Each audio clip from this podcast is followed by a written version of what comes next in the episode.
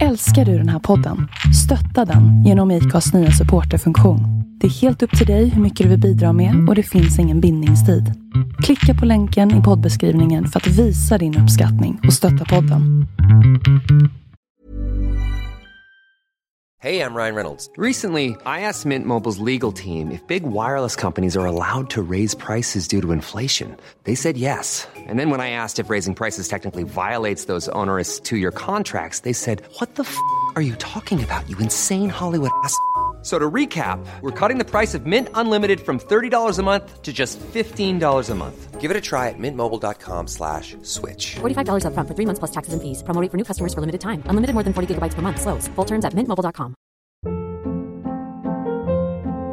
Hold up. What was that? Boring. No flavor. That was as bad as those leftovers you ate all week. Kiki Palmer here, and it's time to say hello to something fresh and guilt-free. Hello Fresh. Jazz up dinner with pecan-crusted chicken or garlic butter shrimp scampi. Now that's music to my mouth. Hello Fresh. Let's get this dinner party started. Discover all the delicious possibilities at hellofresh.com.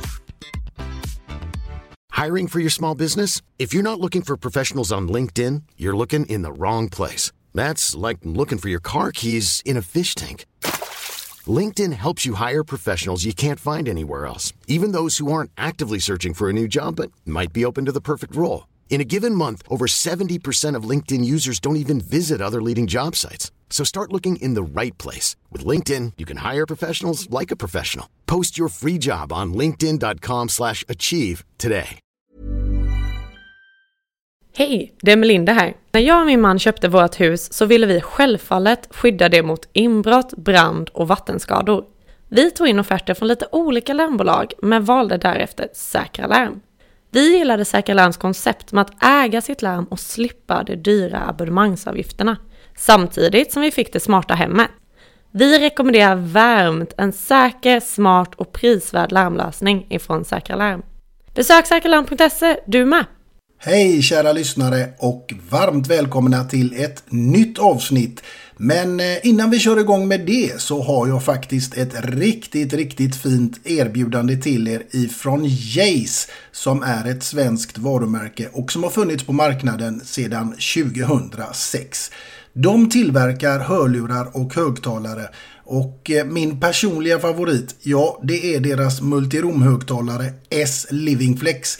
Den har ett helt grymt bra ljud och är både enkel och smidig att bära med sig ut på altanen, balkongen eller varför inte till poolen. Nu är det så att jag har lyckats att få loss en helt otroligt bra rabatt på hela 40% och för att ta del av detta erbjudande då går ni in på www.jaceheadphones.com och anger koden 2 latar. Detta gäller fram till och med den 31 juli 2022. Så missa nu inte detta erbjudande kära lyssnare. Men eh, nu, nu kör vi denna veckas gäst. Hej och eh, hjärtligt välkomna till ett nytt avsnitt av Sveriges mest tongivande podcast Två låtar och en kändis. Veckans gäst har i fotbollssverige gjort sig känd såväl som spelare, styrelseledamot, klubbdirektör och sportchef och då främst i Djurgårdens IF. Han spelade på elitnivå i tio år i bland annat AIK, Djurgården, Vasalund, Väsby men hade också en proffssejour i portugisiska Braga. Hoppas jag att jag uttalade det rätt där. Efter den avslutade karriären som spelare är han nu mer känd som Superbosse som är Järnkaminerna och Djurgårdens IF personifierad. Nu, kära lyssnare, så låt mig nu med största stolthet och respekt välkomna Bosse Andersson. Tackar. Härligt att vara här. Ja, ja, det är väl jag som ska säga så. Ja, det är skönt att ha en göteborgare i Djurgårdens kansli, eller hur? Ja, helt fantastiskt att få komma hit, eh, måste jag säga. Jag har inte sett så glad när du hade Djurgårdströjan på dig. Va? Det var härligt. det var du passar i blått. Ja, ja, men ni har en härlig atmosfär här. Ja, verkligen. Vi, vi har ju... Vi är ju en stor klubb i fotbollen. Vi, vi är en fotbollsklubb med herr och dam och pojk och flick. Vi har ungefär 2 500 barn som är aktiva spelare i Djurgården. Och vi har ett damlag och ett herrlag i Allsvenskan. Och sen har vi... Ja, vi är en fotbollsklubb. Det är viktigt med allt vad det innebär. Elit, bredd, eh, pojke, flick, eh, herr och dam. Eh, och... Eh, för två år sedan innan pandemin så har vi suttit på tre olika ställen. Så skulle vi flytta till ett och samma ställe, allt under ett tak. Eh, och det var en dålig start eftersom coviden kom där. Och eh, precis när vi skulle flytta in så bröt vi verksamheten att man eh, skulle undvika att vara på kansliet ja, nästan två år. Så att när vi väl är på plats nu så har vi en otroligt härlig vi har otroligt mycket bra människor som jobbar i Djurgården för att utveckla klubben och, och vi har en härlig anda både på och utanför plan. Och, eh, så det är väldigt kul att komma till jobbet och de som kommer hit blir eh, blir lite tagna av att, eh, att vi, har, vi har en härlig harmoni. Verkligen. Du, vi ska komma in på det, mer med det senare. Men jag tänker att jag måste ju först och främst fråga, hur står det till med Bosse en dag som denna? En dag som denna så är det ganska intensivt. Eh, att vi, har, vi ska åka till eh, Kroatien i, på, imorgon och spela eh, Europa League-match. Vi ska åka med ungefär 50 personer som åker ett chartrat plan imorgon bitti. Mm.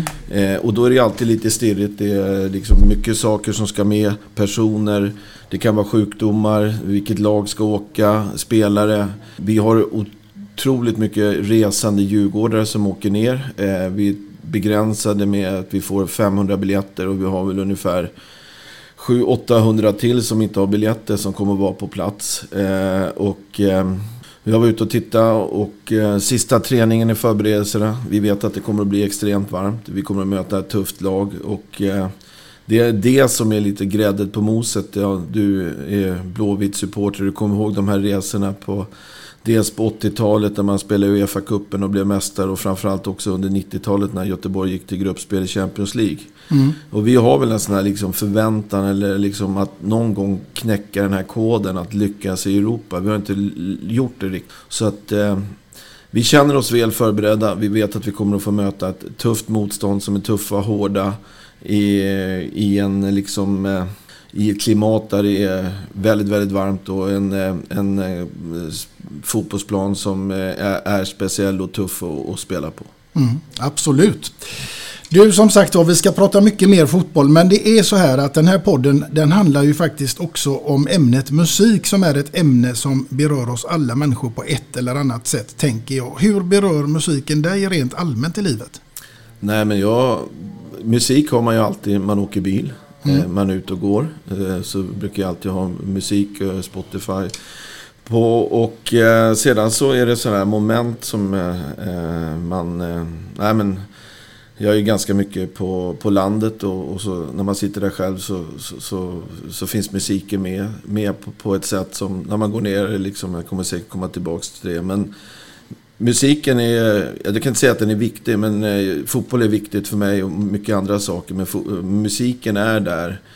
Eh, att jag, jag gillar framförallt svensk musik och, och, och eh, tycker det är kul när man går på konserter och eh, ser liveframträdanden. Då nästan man önskar att man skulle vilja jag var ju totalt talanglös. Jag började spela gitarr när jag gick i trean, fyran. Och, eh, men att vara musiker skulle vara någonting som, som skulle kittla eller man skulle vara duktig på. Jag har många människor runt omkring mig som bara tar fram en gitarr och då blir det en jävligt trevlig kväll. Liksom. Ja. Och det är jag imponerad av. Mm. På tal om en trevlig kväll så tänker jag att om jag säger Roy och Roger har en mack ihop. Ja, det är ungefär vad jag är uppväxt med. Men jag hade två brorsor som hette Sören och Ola som, som vi drev den tillsammans med. Och det var ungefär som Ja, Roy och Roger till exempel. Vi låg vid, vid en stor Europaväg och vi hade mycket folk och kunder och, eh, som, som kom. Eh, bensinmack och, och, och, en liten ICA-butik. Mm. Jag tänker också på ett helt annat scenario faktiskt. År, året är 1990. Med Roy och Roger. Ja. Säger det dig någonting? Ja, det var VM i Italien. Om jag spelade i AIK. Jag fick ett, eh, ett, ett mitt namn egentligen. Superbosse kom därifrån. Att, ja. Jag lägger till Italien så kanske det för dig närmare. Ja, alltså... Jag, du Om jag har pratat en, med en person som är, säger att ja, men du kan ju hälsa honom att Roy och Roger var ju trevligt 1990 på ett läger med AIK. Okej, nu fattar jag. Nu fattar jag. Nu, ja. Roy och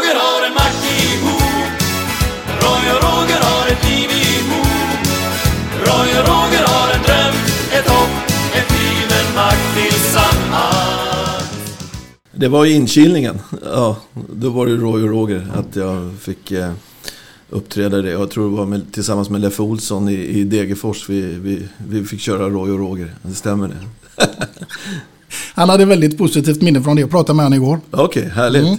Du, eh, utan att du ska behöva tala om vad det är för låtar du har valt nu så måste jag fråga dig, var det svårt för dig att välja ut två låtar tills idag?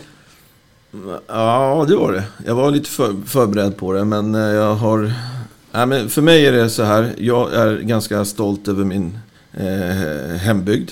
Eh, och eh, det, det är viktigt. Vänner och var man har växt upp. Eh, det, det är viktigt. Och sedan så när man kommer upp i åren så, så reflekterar man lite grann över livet. Eh, och, och, så det finns två låtar som eh, de kanske inte är, många höjer på ögonbrynen på, på valet. Men för mig, om jag kommer som jag sa, eh, om jag kommer ut i landet eller, så är det några låtar som, som passar mig. Som jag tänker själv på i, i texten att, ja, fan, det, ja, det, det det där är passande mig och det berör mig och eh, jag har med mig, med mig det. Så att, eh, men det är två lugna låtar. Men om jag kommer där, ligger en, en kväll på, på hösten och, och man kanske har förlorat så, så är det garanterat att jag har den i, har, har lyssnat på den. Härligt, det ska vi höra sen vad det blir för mm. någonting. Du, du är ju som sagt var född och uppväxt eh, i Rö. Mm. En eh, ort som också Björn Valdegård och Lasse Nyström kommer ifrån.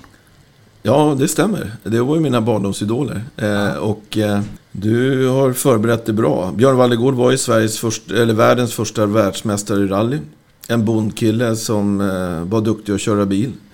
Han tillsammans med en kille från Rimbo som hette Helmer tog, fick, eh, tog en Volkswagen och åkte ner och körde Monte Carlo-rallyt. Mm. Och vann det. Sedan blev han eh, rallyförare, det förändrade ju hans liv. En helt okänd kille kommer ner och vinner Monte Carlo-rallyt. Och eh, blev ju eh, proffsförare i, i, i rally där han egentligen, eh, ja, han, om man summerar det så vann han ju Safari-rallyt fem gånger. Och mängder av olika rallyn. Och bodde du i byn och du såg det där när du... Nu har han en dotter som är lika gammal som mig. Som vi, vi har växt upp tillsammans och gått lekis ända till gymnasiet. Och mycket tacka henne för att Marika där, att jag kom ut med, med kompetens eller godkända betyg. Så var det en häftig resa att vara med. Och sen min närmsta granne då som, som hette Lasse Nyström blev Europamästare i rallycross fyra gånger. Tyvärr så vann han aldrig SM egentligen för att han var han var överlägsen och sista tävlingen så fick man dubbla poäng. Och jag tror han ledde tre eller fyra år inför sista tävlingen. Och jag var med på någon av de där sluttävlingarna uppe i Hedemora när han... En, ett år gick växelspaken av och eh, ett år så voltade han i första kurvan, i startkurvan. Eh, mm. så att, men Europamästare fyra år eh, och de är ju framförallt kända för Björn och Lasse att de tog Porsche till, till Sverige och gjorde det känt. För det är ju liksom rallycrossen var ju grymt stor. Mm. Eh, alltså på 70-talet, mitten av 70-talet så, så var det ju folkfester. Eh, det skrevs ett reportage om för några veckor sedan uppe i Uppsala. Så var det en bonde som byggde en, en crossbana uppe i Vendel. Där var det 25-28 000 på rallycross i 77-78. Och då, då tävlade Lasse Nyström i i en blå Porsche eh, sponsrad av Hemglass och, och eh, Björn Wallegård i en gul Porsche som spont, eh, sponsrades av Gillette. Eh, och, eh, eh, det, var, det var grymt häftigt att vara med på den resan. Man fick eh, åka med på tävlingar, vara med i depån och så framförallt den här förberedelsen när man såg hela gänget och mekaniker för, från byn att liksom förbereda sig. Stack iväg på torsdagskvällen med husvagn och, och, och, den här tävlingen som då av, ja, träning och kval och, och eh, finalen på söndagen. Mm. Och med denna uppväxt eh, med rallycross så blir det ändå fotboll eh, som sport som ligger Bosse Andersson varmast om hjärtat. Ja, det var, var ju två saker som egentligen man kunde spela i, i ett samhälle som rör. Det var idrottsföreningen, den var ju, den var ju knutpunkten. Ja, affären var ju så att säga navet i, i samhället där alla möttes. Och så var det ju eh, idrottsklubben och då kunde man spela fotboll och man kunde spela pingis på, på, på vintern. Och det var ju det vi höll på med. Och, eh, så att eh, jag var mycket på fotbollsplan när jag var liten. Jag hade väl inte den tanken. Men någon gång så i de här besöken på, på affären så, och stoppen så varför jag blev djurgårdare var på att det stannade några Djurgårdsbilar. Stripade Djurgården på slutet av 70-talet, Opel Ascona. Eh, det var kända fotbollsspelare på den tiden. Tommy Berggren, eh, Tommy Davidsson, eh, Anders Grönhagen, Kurt Olsberg, Kjell Samuelsson som stannade. De skulle upp på ett... Djurgården hade ett sommarläger uppe på Barnensö. Och det mötet, det gjorde mig till djurgårdare.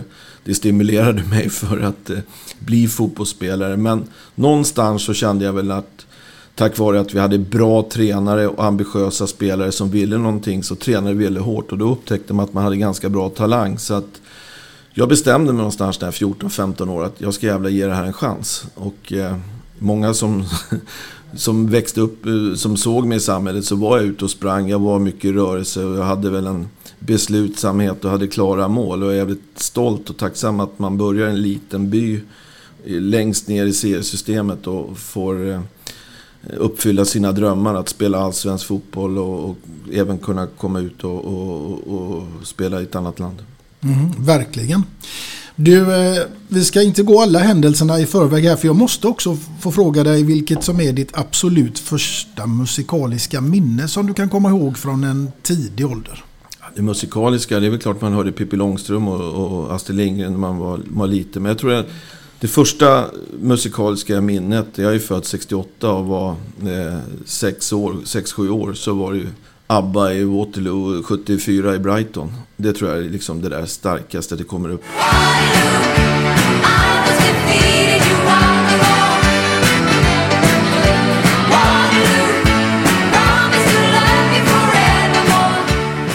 ABBA som då var och eh, ja, från 74 och den utvecklingen. Och jag tror många i min generation har nog velat vara Björn eller Benny och tjejerna Agneta eller Anne-Frid och man har härmat dem på på klassens timme eller någonting sånt där. Och det så även jag. Absolut. Ja, vi är i samma generation så det där känner jag igen faktiskt. Absolut. Du, då är det också så här att då tänker jag, vilken var den första plattan? För det får man säga om man är i våran generation. Som var det som du köpte för egna pengar? Mm. Nej, men det var jävligt stort att köpa en LP. Att man, att liksom, det var det liksom, att få det där omslaget, ha den hemma i hyllan. Och, och, och, och eh, jag hade väl en halvhyfsad stereo som man liksom, man känns jävligt stolt när man hade det där. Man vårdade i det där skivomslaget. Men mina första skivor så, så, så hade jag, så var det väl ABBA. Och sedan så, så har jag ett starkt minne av att eh, Magnus Uggla, som kom med sin, sin där, också i slutet av 70-talet. Vi har vår tid nu, vår tid nu, vi har vår tid nu, vår tid nu, 1977. Men framförallt Kiss, de omslagen och just hur de var eh, sminkade och, och, kanske inte så bra musik men däremot så tyckte man att det var häftigt. Och det, Ted Gärdestad också som, som jag, jag gillade att och, eh, köra på, på klassens timme.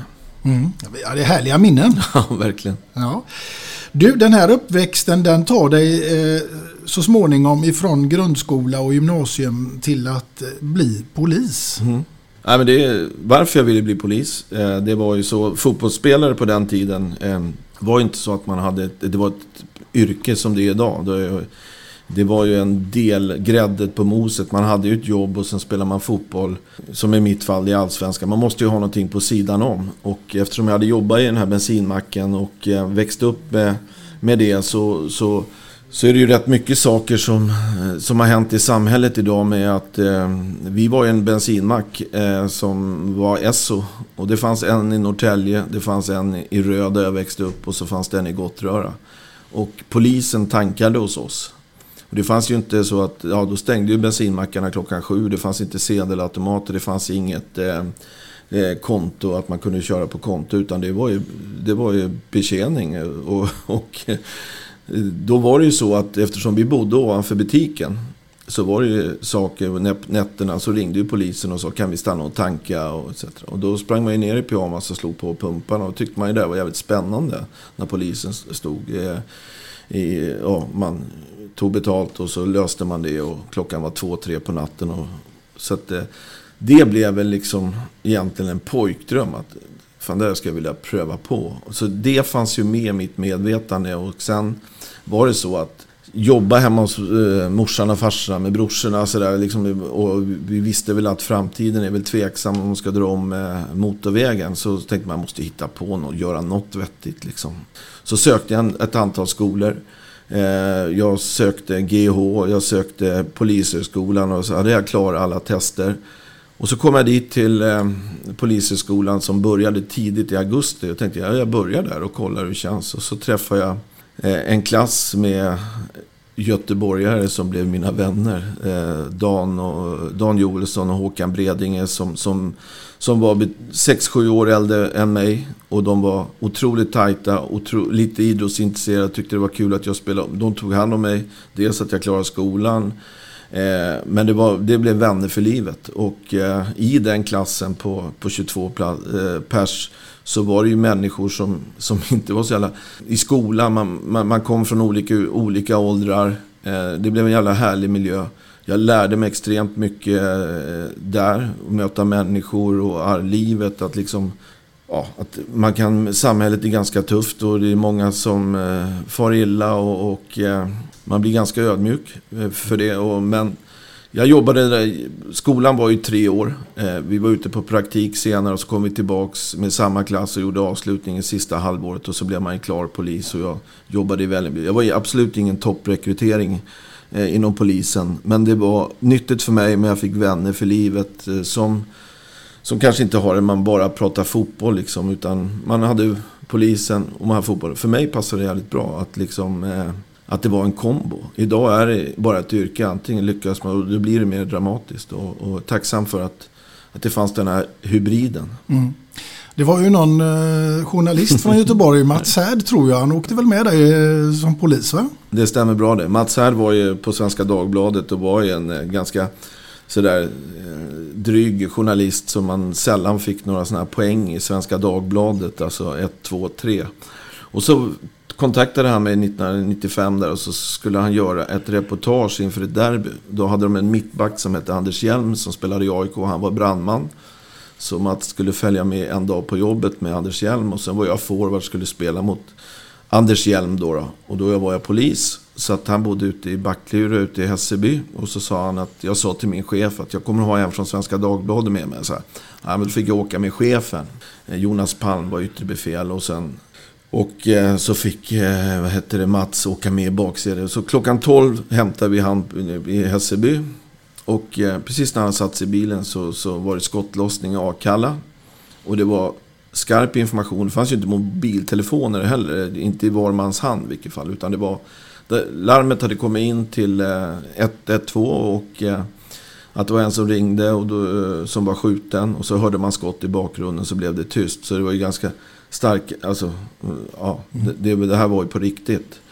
Eh, I ett eh, eh, höghus i Akalla med två utgångar. Och det blev en jäkla insats. Och för Mats så blev det där en chock. Att han från tagit morgonkaffe till Hässelby i lugn och ro. Och sen bara sätta sig i bil och så är det två människor som, som är mördade eh, eh, några kilometer bort. Och det gjorde att eh, ja, jag blev bjuden på Mats Härds 40-årsfest. Vi blev nästan lite vänner. Och högst flux så började man få lite betyg i den där Svenska Dagbladet. Aldrig fått en etta, två eller trea. Så att, jag tror det, det är nog ett starkt eh, minne för Mats eh, och även för mig. Och det var helt rubriken var det bästa. Det var att det var en bild på mig med ett draget vapen och så stod det mord en del i vardagen. en del.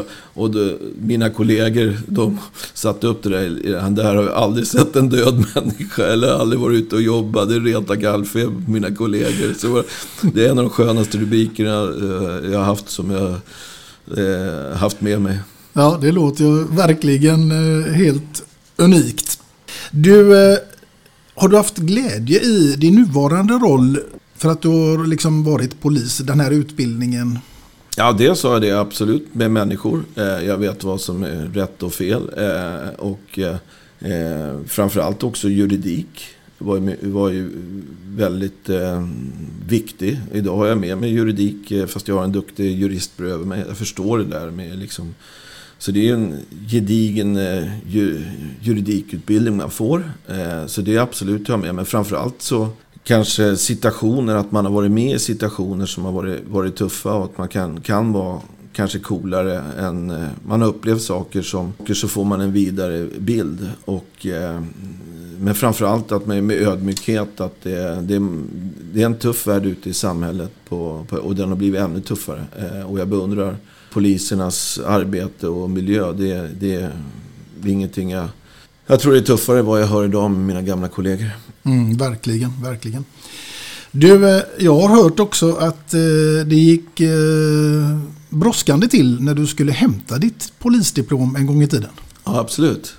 Det var det. Jag missade flyget från Gotland. Och det var examen i Stadshuset. Och, så att, Eh, jag skulle åka tidigt flyg och vi hade gjort en bra seger och varit, vi hade varit ute och, och, och firat den. Eh, och eh, tåg, flyget gick tidigt och jag vaknade efter att flyget hade gått. Och det är klart att det ställde till lite grann. Men Tommy Wahlgren gjorde ett fantastiskt jobb. Han jobbade ju på Svenska Spel, eller om ni kommer ihåg det här, Ken och Tommy Wahlgren. Han var ju också djurgårdare. Och jag fick, fick åka med i cockpiten med planet som gick åtta. Så jag, jag räddade. Jag kom precis in i Stadshuset eh i, i sista stund. Och eh, tog polisexamen. Men eh, ja, det var stress med hjärtat i halsgropen. Mm. Det hörde jag från Pelle Kotschack. Ja. Det är bra det. Som för övrigt bara hade väldigt mycket gott att säga om dig. Ja, jag har väldigt gott mycket att säga om han. Vi har haft ett, eh, en ynnest att få lära känna Pelle. Dels har vi, när jag kom till Djurgården 94, eh, så har vi, ja, vi pratar i stort sett varje dag och han är en fantastisk eh, person och människa som har förgyllt mitt liv eh, på många sätt och vi har upplevt mycket tillsammans. Eh, och Nej, det är en otroligt härlig kille och gör mycket nytta i Djurgården och som ambassadör och, och tar, tar, vara på en historia i en förening som Djurgården som har en lång historia. Eh, så gör han på ett fantastiskt sätt och vi, vi tillsammans brukar ju spela in eh, julkalendern tillsammans som vi gör där. Och, nej, det, vi har extremt eh, härlig kille som vi pratar varje dag. Och, men egentligen är det Djurgården som berör men det är en otroligt fin vän. Mm. Du, någonting som berör, det är ju så här att när man ska göra de här gästerna som jag gör så gör man ju givetvis en liten koll på nätet och sådär. Och då måste jag ju säga att ett brandtal som du höll, som jag kunde se på YouTube, mm. alltså det tyckte jag var mäktigt. Ja. Faktiskt. Ja. Vi, det, även om inte jag är djurgårdare, det är jag ju göteborgare. Men det var ju precis som att du satt och snackade till mig. Liksom. Ja. man fick den känslan va. Ja, men vi hade en jävligt tuff, tuff eh, tid i Djurgården. När vi, jag hade jobbat en period och kommit tillbaka. Och eh, är det någonting som en fotbollsklubb har en brist på, det är att man har tålamod. Man förlorar fotbollsmatcher och liksom sådär. Och vi hade väl kommit en dit, bit på väg när vi hade eh, gjort att vi hade kontroll på ekonomin. Och de beslut som vi fattade och de, det kunde vi ta med egna. egna att vi, att det är ganska lätt att bli populistisk, man ska bli det. Vi var ganska jordnära att tala om hur det var. Men om vi håller ihop det här och jobbar på så kommer det att komma framgångar en dag i tiden. Eh, och det var väl det. Men det, jag har tittat på det där eh, igen. Och det är fan så bra sagt alltså. Och bra gjort. Att vi fick med oss det. Och sen att vi någonstans där borta har fått de här framgångarna. Dels har vi en, idag är Djurgården en klubb som som mår väldigt bra ekonomiskt. Eh, vi har en otroligt eh, stor organisation som jobbar. Vi har 40-45 personer som jobbar på kansliet. Vi har en trygghet med ekonomin. Vi, har en, eh, vi kan fatta våra beslut själva. Eh, vi har också haft framgångar med att vi har blivit svenska mästare. Vi har kommit till Europa. Vi har vunnit cupgulden. Och hade du sagt det då, det hade jag inte trott själv. Men modet att säga det, att det kommer att komma om vi håller ihop. Det kan bli några tuffa år till. Men vi håller ihop, vi kommer att vinna fotbollsmatcher, vi kommer att förlora matcher. Men någonstans där. Och eh, jag kollade på den där, eh, för jag fick det var flera som hade reagerat på när man hade fått lite distans till det. Eh, och jag gjorde också det när vi hade vunnit SM-guld. Så, så, så var det en grej som någon tyckte att jag skulle göra. Mm. Men att orden blev rätt och att det blev det som vi sa. Om vi jobbar hårt tillsammans och, och, och vi gör det tillsammans. Så, så kommer framgångarna. Mm. Och eh, sen att det var ja, det var väl lite Trump och, och liksom, eh, som var inspiratör att man talat till nationen. Och det är väl några som reagerar men eh, eh, jävla härligt att gjort det faktiskt. Ja, men jag tyckte ändå Alltså vilken cool grej att gå ut och säga någonting som i stort sett identifierar hela klubben och klubbens mm. känsla. Vart är vi och vart mm. är vi på väg? Mm. Det gick liksom inte att misstolka när man hörde det här. Nej, men då, då ska jag säga så här att om, om Djurgården fotboll idag har 21-22 000 medlemmar. Alltså utvecklingen har varit att vi har ökat medlemsantalet med 7-8 000 de sista åren. Vi har haft säsongsbiljetter som vi är uppe i 12 000 säsongsbiljetter. Vi hade en arena här borta på stadion som, som eh, tog 12 000. Och sista matcherna efter coviden så har vi nästan haft eh, på 10 matcher 20 000 biljetter ute till varje match. Så det är en extremt intresse, utveckling som, som Djurgården har haft. Och det är klart att det är jävligt ballt att vara en del av det. Eh, och, eh, men det tyder på att vi har en bra organisation som tycker det är kul att jobba, gå till jobbet varje dag, jobba hårt och, eh, och göra det tillsammans. Mm. Och en klok och en sund styrelse som, som eh, som inte tar förhastade beslut eller populistiska beslut. Utan vi, vi kan fatta våra egna beslut. Vi behöver inte gå i mössan med hand till någon annan. Eller att vi behöver, vi, är det någonting som är bra för Djurgården, eller något, då kan vi fatta de besluten och lägga de resurserna på det. Och sen handlar det ju om att jag är tacksam. Du, du kan ju, vi har ett starkt förtroende. Eh, både Henrik och jag, som, som, så, så, det känner man ju. Men det är också det ger ju ett jävla ansvar på en. Att jag känner ett tungt ansvar varje dag liksom, för att liksom, utveckla klubben eller vad som händer. Det händer ju saker varje dag i en fotbollsklubb. Och, och, och eh, det är ingenting jag säger så här, jag klappar mig för bröstet och säger fan vad, vad bra vi är. Utan det gäller bara att jobba ödmjukt, kavla upp armarna, jobba stenhårt varje dag. Och, och, och, vara förberedda för de utmaningar som kan hända. Mm. Och verkligen i, i, dessa tider också där jag tycker att att skapa kontinuitet och familjekänsla i en klubb i en tid där det är spelarnas marknad mm. med dessa agenter och hit och dit. Eh, det, det, det, det är en jäkla utmaning alltså. Ja, det, absolut är det det. Det är som jag sagt på jämfört med hur du själv spelar fotboll och den utvecklingen fotboll idag är ju en, det är så mycket pengar involverade. Det är så, så, så mycket parter som är involverade. Men eh, för, för oss, för mig är det viktigt eh, att leva nära spelarna, vara rak och ärlig. Eh, är det någonting som är bra för spelaren, bra för Djurgården och man hittar den symbolen, ja, vi vet vår roll i näringskedjan. Vi, vi kommer att... Vår lycka som vi har gjort är att vi har tagit hit spelare som har kommit till Djurgården, utvecklats och sålt vidare. Det har gjort att vi kan ha 40-50 personer på vårt kansli. Vi kan ha den organisation vi har. Det är liksom men sen ska inte alla pengar och det, utan vi, vi har varit skickliga på att eh, vi satsar en del. På, givetvis så är det ett mervärde att ha ett bra lag. Men det måste ändå finnas spelare som kan utvecklas och gå vidare. Eh, och eh, det där är en svår balans, att liksom omsättning av spelare. Men vi, vi tycker också det är viktigt eh, att du har kontinuitet i spelare som kan vara här över tid. Eh, och det, det är liksom, då bygger du en kultur och en, eh, en anda, en familjär. Det är viktigt för oss i Djurgården att vi har en, ett lag som, som är tillgängliga, öppna. Vi har en träningsanläggning där folk... Vi hade 200 pers där idag som var där och tittade på Marcus Danielssons första träning. Eh, och, och tittar på... Intresset är enormt för fotboll. Eh, och beror ju på att vi har bra ambassadörer. eh, Bra spelare som är tillgängliga. Massor med barn, tjejer som kommer, nya generation som, som blir djurgårdare. Och eh, det tänket har, har vi med oss och det är, är viktigt. Dels för mig också och, och, och- och för Djurgården. Men det, och när du ser effekt av det. Mm. Det är jävla härligt. Absolut, absolut. Och, och tänker också att det handlar ju någonstans om att skapa det här omklädningsrummet. Ja. Ja, Liksom, det- för det är ju ändå på plan du vinner matcherna. Liksom. Ja, det, pengar etc. Vi, jag, jag tror att det bara sitter i omklädningsrummet. Trivseln, stoltheten, tillhörigheten, miljön. Att du känner lugn och ro, du har förtroende, du har, då kan du utvecklas och laget har den där kemin.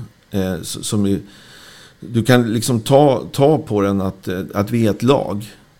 Eh, då är det jävla härligt. Och vi, vi, den känslan har jag, har jag nu och, och väldigt ofta under de här åren. Att lagkänslan och stoltheten att spela för Djurgården. Det, det är det som avgör, inte vad du har i lönekuvertet varje månad. Det, det, det bygger ingen... Eh, du kan ha givetvis att de dyra bästa spelarna, ja, det ger framgång. Så enkelt är det. Men det, jag, jag är inte den, den typen som, som tror på det över tid. Utan vi kan bygga en kultur. Och, och som jag sa tidigare så, så är det viktigt att ha... Vi har Harris Radetiner som gör sin tionde, elfte säsong. Vi har väl fem, sex spelare som har, eh, som har spelat i Djurgården mer än fem till, fem till åtta år. Det är ganska ovanligt om du tittar på, och det är jag väldigt stolt över, För då bygger du en kultur. Det gör det lättare för mig. Vad är lägsta nivån i vardagen och, och liksom, du har, har erfarenheten med. Och eh, har de då varit med på att det kommer spelare från olika ursprung och, och olika länder och, och så tar de ett stort ansvar. Mm, verkligen. Du, eh, vi ska gå vidare lite i andra ämnen här också. Mm. För att eh, någonstans har jag hört också att du är pedant och har svart bälte i tysk dusch. Tysk dusch, hur pedant. Hur menar du med det? Jag tror att det är Leif Olsson som är lite ironisk här. Ja, ja Leffe. Nej, men duscha gillar jag. Det är viktigt att man duschar, det kan jag säga. Och att man luktar gott. Ja, Det, det. Sen kommer Leffe alltid håna mitt kläds, klädval eller något sånt där. Och, och eh, det kan jag håna. Det är en viss skillnad på att komma från Degerfors och komma från, ja, jag kommer inte från Stockholm, jag kommer från Norrtälje. Och eh, eh, Leffe var väldigt noga med, med kläder. Han har aldrig haft någon som haft så många jeans eller, eller skjortor. Och allt köpte han på John och Jonna i Degerfors. Liksom. Det är klart det är en viss skillnad då, på, på klädvalet där. Ja. Och han kommer alltid håna mig för det. Men eh, vi, det fanns en bild på, på, på Leffe har ju alltid stuckit ut med det där. Men 1990 när vi spelade ihop och så spelade vi mot Schillaci som var ganska het efter VM. Och Roberto Baggio. Och då finns det en bild på mig och Leffe tillsammans med de två. Och den var bilden var tagen 1990 och han hade en blommig ful jävla skjorta. och sen en modemorgon i TV4 så 20, 2018 då hade den kommit tillbaks exakt samma skjorta. Det är jävla härligt. så han låg före sin tid. Leffe. Underbar gubbe. Du, eh, vi ska ta oss faktiskt tillbaka lite här nu till, till eh, fotbollen. Därför att eh, bästa minnet ifrån din oerhört långa karriär, både som spelare och, och, och ledare. Om du fick välja ett minne som sticker ut sådär känslomässigt, vad skulle det kunna vara? Nej, men det är målet i Djurgården är fullsatt i Helsingborg. Eh, 1995, det var seriefinal på Olympia. Det var fullsatt, 16-17 tusen. Helsingborg hade många profiler. Eh, Henke Larsson och Mats Magnusson var säkert med också. Men de hade ett extremt bra lag. Vi åkte ner dit med Djurgården. Eh, och eh, vi var på förhand underdogs. Men vi, var, vi hade gjort en väldigt bra vår. Och spelade seriefinal i vi, det var sista matchen på våren och så första matchen på hösten mötte vi. Vi vände mot Helsingborg. Och eh, jag gjorde mål efter 23 sekunder. Eh, ett nickmål på Olympia. Vi hade extremt mycket djurgårdare. Jag klättrade upp på stängslet. Tyvärr så blev det så att Helsingborg vände på matchen och eh, ledde med 2-1 och vi kvitterade till 2-2 och så gjorde jag 3-2 när det var en kvart kvar. Vi vann med 3-2 och gick upp i serieledning. Det är väl det målet jag förknippas mest med. Eh, och sedan så... Eh, ja, jag har avgjort något derby eh, för, eh, för Djurgården mot, mot AIK och, och, och även Hammarby. Eh, det är väl alltid sådana här stora grejer. Och inte alls i samma dignitet när det gäller publik. Mm, vad det är idag. Men eh, det var ju sådana stora grejer.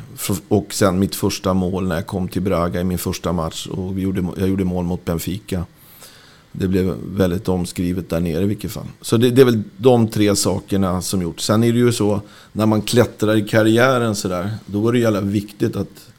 Hade jag inte gjort det så hade jag inte kommit dit. Och så, så, så att det finns ju många sådana enskilda grejer som, som är viktiga för att man skulle komma dit man har kommit. Sen är det lätt i efterhand. Ja, det var härligt att avgöra ett derby eller en seriefinal i Allsvenskan. Men det fanns ju viktiga saker som man gjorde på resan för att komma dit. Mm. Och hade man inte gjort det så hade man inte kunnat sitta här och spela, säga att man ska spela allsvensk fotboll. Nej, verkligen inte. Du, vi har ju några gemensamma kompisar som är djurgårdare du och jag. Och jag har ju pratat med några utav dem. Ja. Ja, och en utav dem tyckte att jag skulle säga så här till dig. Om jag säger svensexa i Gävle till dig. Ja, det har jag varit på. Ja. Mm. Hur gick det till då? Det gick inget bra. Nähä? Nej. Vi var på svensexa i Gävle och... Eh, nej, men eh, vi, vi, vi var ett stort gäng för en stor personlighet och jag var ansvarig tillsammans med Peter Gide och eh, vad heter det, och en till. Jag valde att vi skulle åka till Västerås och de tyckte vi skulle åka till, eh, till eh, Fredrik Jändelid som tyvärr har gått bort. Eh, tyckte vi skulle åka till Gävle. Ingen av dem var med på resan utan det var jag som fick arrangera till Gävle och var ansvarig för kassan, allting. Och eh, vi valde att åka till Heartbreak på ett ställe som vi skulle kunna vara eh, där på, på och, och ha trevligt hela kvällen än att vi skulle springa emellan. Vi hade väl lite otur i början att vi satt och åt middag tillsammans med vakternas damer. Och det blev, blev fel från början. Eh, jag var ansvarig för gruppen, jag var ansvarig för de kostnader som, som, som hade varit där. Och det var rätt många som åkte ut under kvällen. Och jag tyckte de behandlade dem jävligt oschysst. Och jag kan inte säga att jag var extremt. Jag kände, jag vet vad det är som innebär att bli lobbad. Eh, och eh, jag var inte ur stånd att ta- ta hand om mig själv. Men däremot så, så kom jag i konflikt med en vakt i, vid en betalning. Och jag hade oturen att åkte ut bakvägen. Och så blev jag nedknuffad i rännstenen precis 30 meter ovanför polisen. Där de hade tagit två personer i mitt sällskap. Och då sprang polisen upp till mig. Och de två andra, som jag inte vill namnge, de, de blev fria. Så jag, jag var Cliff Barnes. Men jag hade aldrig åkt dit på det sättet. Eh, eh, om jag inte haft så mycket pengar i, i, mina, i mina fickor. Och när jag åkte in på resten. Jag visste, jag ställde en del frågor. Men sen blev det också ett brott i samband med det där. Som uppdagades senare. Och eh, jag blev ju frikänd för det. Men det blev extremt mycket rubriker. Mm. Eh, och det är klart man tar ju illa vid sig och, och det är för familjen och, och, och eh, så. Men ja, jag fick en chock eh, på, på morgonen. Det var ju samtidigt så var det ju Obama skulle bli president och jag tänkte jag, jag fick ju frågan för min mor fyllde, tror hon fyllde 75 år då.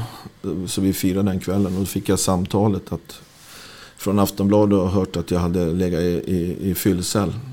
Och då, ja, då tänkte jag så här att, ja, fy fan, det där är inte bra. alltså. Så jag fick ju informera om det och sen på morgonen tänkte jag undra så här om det här har lagt sig lite grann. Och då var det Obama och mig på morgonen vid sjutiden när jag slog på internet. Och då tänkte jag nu jävlar får jag gå ut till alla kompisar. Och sen, ja, det blev alldeles uppförstorat för en liten grej. Det var inte bra gjort. Jag gjorde inget brott och jag är inte dömd för någonting. Och man kan lätt hamna i en fyllcell. Eh, och det har jag gjort. Eh, och eh, ja, men det var en jävligt bra svensexa. Tyvärr höll inte äktenskapet. Så att, eh, men eh, det var en... Eh, det var ett roligt bröllop och eh, ja, ibland, gör man, ibland blir det fel. får man ta ansvar för det. Så är det. Du, nu ska vi ta någonting som inte kan bli fel tänker jag. För att eh, nu tänker jag faktiskt att vi ska komma in på ditt första låtval som jag är extremt nyfiken på vad det skulle kunna vara och inte minst eh, med vem. Och varför såklart.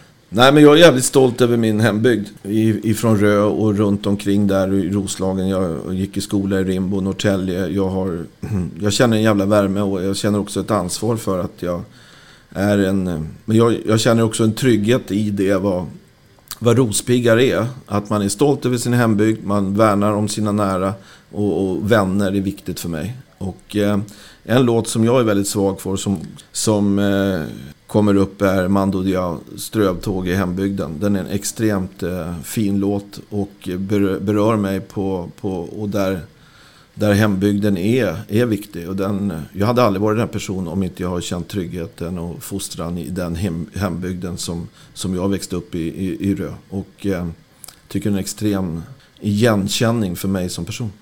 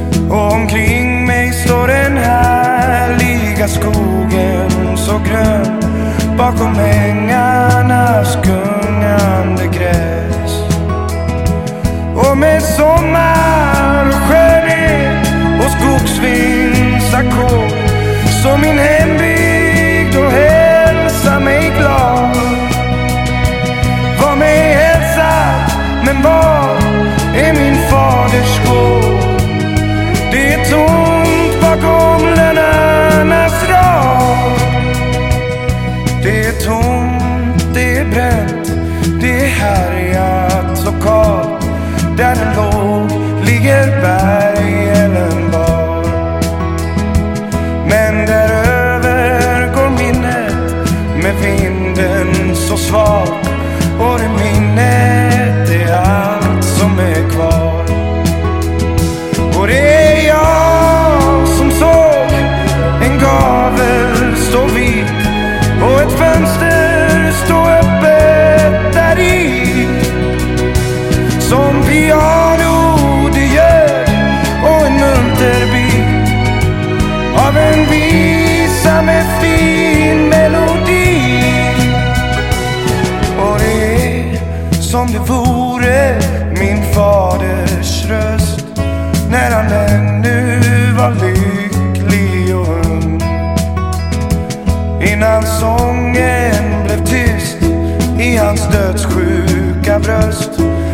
hans levnad blev sorgsen och tung.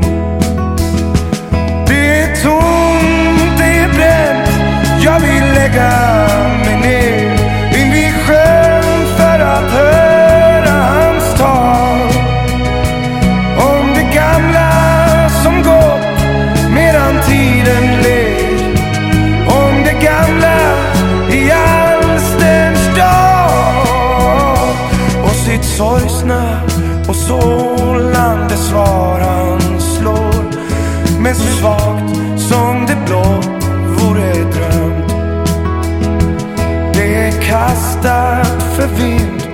sedan tjugo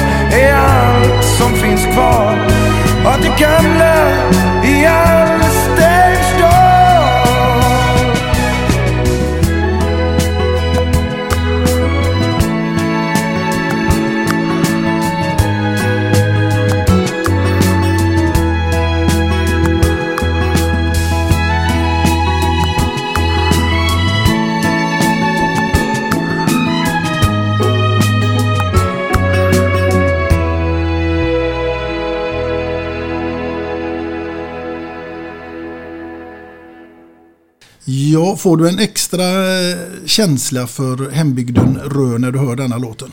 Ja, verkligen. Eh, det, det gör jag. Eh, jag, känner igen, jag känner igen mig själv.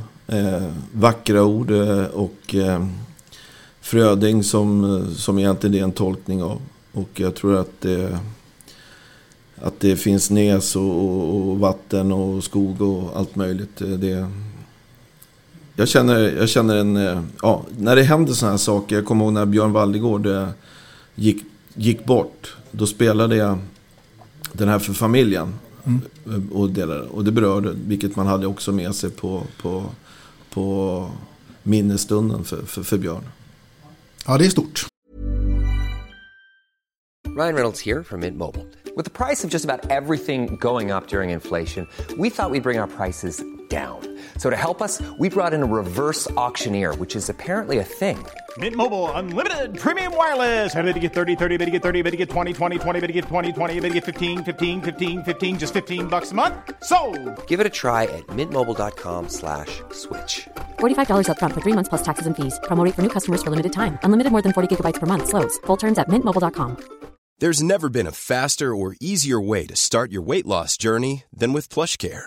PlushCare accepts most insurance plans and gives you online access to board-certified physicians who can prescribe FDA-approved weight loss medications like Wigovi and Zepbound for those who qualify. Take charge of your health and speak with a board-certified physician about a weight loss plan that's right for you. Get started today at plushcare.com slash weight loss. That's plushcare.com slash weight loss. plushcare.com slash weight loss. Hey there, it's Michelle Norris. I'm host of a podcast called Your Mama's Kitchen. When I travel, I'm usually looking for a way to find a taste of home when I'm not at home. And one of the things I love to do when I am at home is entertain. And Airbnb allows me to do that. When I was in California recently, I rented a house that had a great kitchen. And when we were sitting around the table, we're all thinking, we're in someone else's house. Someone could be in all of our homes as well. If you have a home, but you're not always at home, you have an Airbnb. Your home might be worth more than you think. Find out how much at airbnb.com/slash host. Wow! Nice. Yeah. What you're hearing are the sounds of people everywhere putting on Bombas socks, underwear, and t-shirts made from absurdly soft materials that feel like plush clouds. Yeah, that plush. And the best part? For every item you purchase, Bombas donates another to someone facing homelessness. Bombas. Big comfort for everyone. Go to bombas.com slash ACAST and use code ACAST for 20% off your first purchase. That's bombas.com slash ACAST. Code ACAST. Millions of people have lost weight with personalized plans from Noom, like Evan, who can't stand salads and still lost 50 pounds. salads generally for most people are the easy button, right? For me, that wasn't an option. I never really was a salad guy. That's just not who I am. But Noom worked for me. Get your personalized plan today at Noom.com. Real Noom user compensated to provide their story. In four weeks, the typical Noom user can expect to lose one to two pounds per week. Individual results may vary. Du, eh, du har också, förutom kärlek till din hembygd, så har jag läst att du har en liten kärlek även till Sydafrika. Ja, absolut. Och det är tack vare min, eh, min bästa vän som jag växte upp med. Eh, som hette Robert Hermans. Han, eller eh, Robert, han hette Andersson på den tiden. Han fick ett uppdrag, han var väldigt nyfiken. Han var totalt ointresserad av fotboll. Men vi hade otroligt, och än idag vi är vi vänner. Men vi är väldigt olika som personer. Han är väl, idag en väldigt VD för ett stort svenskt företag här i Sverige och har bott utomlands i 25 år. Eh, han hade en nyfikenhet att eh, åka ut som, som ung efter han pluggade på högskola och, och blev chef för ett, eh, ett företag i, i, i Sydafrika och eh, inom Gunnebo. Och det var ganska moget beslut. Han var dryga 25 år och sa du, du får åka till Afrika och ta över ett företag. Och eh, jag hade varit i Afrika, jag hade slutat min karriär och börjat jobba i Djurgården och jag hade varit i, i Kongo som första, eh, första land i Afrika och fick väl en chock hur det kunde vara i Afrika. Liksom, hur råa européerna hade kunnat vara som, som Belgien i det fallet. Hur liksom, ett stort land med alla möjligheter som, som, eh, som det finns väldigt lite hopp. Och sen eh, blev det så att jag skulle åka och eh, hälsa på min vän Robert i, i, i, i, i Sydafrika. Och eh, därav så hade jag en, en del eh, eh, kontakter innan som jag hade träffat av en slump i Amsterdam och, så, så, i Ajax. Och, och eh, Så jag tänkte jag åker ner och hälsar på dem samtidigt som jag kan träffa olika personer. Och då hade Robban och jag först varit i, i Kapstaden och längs eh, Garden Route ner mot Naisna och Port Elizabeth. Det är en fantastisk del att, av världen. Om just den här äh, resan mellan... Där är en helt annan bild av Afrika än vad man, om man har varit i Kongo eller andra länder. Och eh, det är god mat, det är en otrolig kvalitet, gott vin. Eh, ett levande med, självklart att det är kontraster. Och fotboll är ju idag ett, över världen var det än kommer så är fotboll ett hopp. Det gjorde att jag blev nyfiken på Afrika. Samtidigt som eh, jag såg också möjligheterna att få människor som, som är duktiga och har sin talang att kunna ta dem till, till Sverige. Och, och, och, ja, som jag har gjort i, i Djurgården. Då. Och det har gjort att jag sista, jag tror jag har varit i 18 länder i Afrika sedan 2000, min första resa. Och, och det är klart att land som sticker ut är ju Sydafrika. Eh, med stort land med otroligt mycket häftiga saker att uppleva. Och sen blir det ju så att fotbollen ger ju kontakter. Och när jag skulle då åka ett, ett år senare till Sydafrika och skulle åka till Johannesburg. Där alla sa att du, där får du vara jävligt försiktig. Där, där är det bara rufflare och, och, och, och, och då ställer man ju upp säkerhetströskeln om man har varit i Kapstaden. Och, och, och tänkte det här måste ju vara som Kongo. Och så kom jag dit en lördag och så skulle jag träffa då människor som, som hade med fotbollen att göra. Och eh, självklart så i Afrika, om man bestämmer ett möte så får man vara lite open-minded. Det kanske inte blir klockan tio utan det kanske blir två eller ja, någon, under dagen får, får man vara. Eh, och det där är jävla viktigt att ta med sig för man är så som europeisk och luthersk och liksom så, så, så. Och så. Och det där var jävligt frustrerande i, i början. Man blev ju helt tokig om man hade avsatt en dag och inte blev något möte. Och givetvis så funkar det inte den här gången heller när jag kom ner till Johannesburg. Efter mycket om och men så kom jag till Lutot Hotel. Eh, som var i, i Johannesburg, i Santon, i eh, fina delen i Johannesburg. Och eh, det i det mötet på när jag satt i lobben, då kommer det fram en kille med Adidas-skor, leopardbyxor, Adidas, eh, vanliga Adidas träningsjacka och, och, en keps och självklart var, var, var, afrikan då. Och så kom han fram och frågade vad, vad, vad jag gjorde här och vem jag... Ja, så, så morse, jag trodde han skulle sno min väska. Men eh, han började prata och jag sa att jag höll på med fotboll. Och han hade precis eh, eh köpt, en, köpt en fotbollsklubb. Och han var där med fotbollslaget.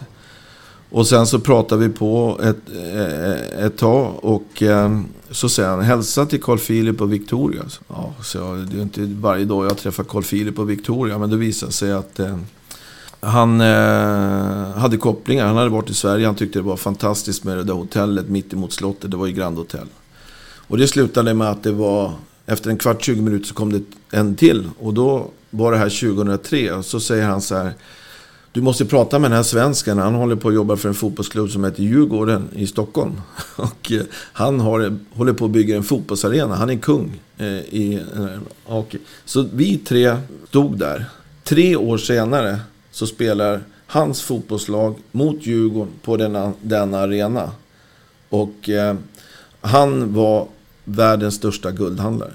Och han är idag, vad heter det, drev Malodin Sandan som är en och, och idag är han ordförande för eh, CAF, alltså Afrikas fotboll, sitter i Fifas styrelse. Det är klart att sådana kontakter underlättar. Jag har träffat han två gånger i, i livet och eh, de, de människorna tror att vi är kompisar. Det gjorde att Erik Hamrén fick ett jobb där i Malodin Sandas till exempel.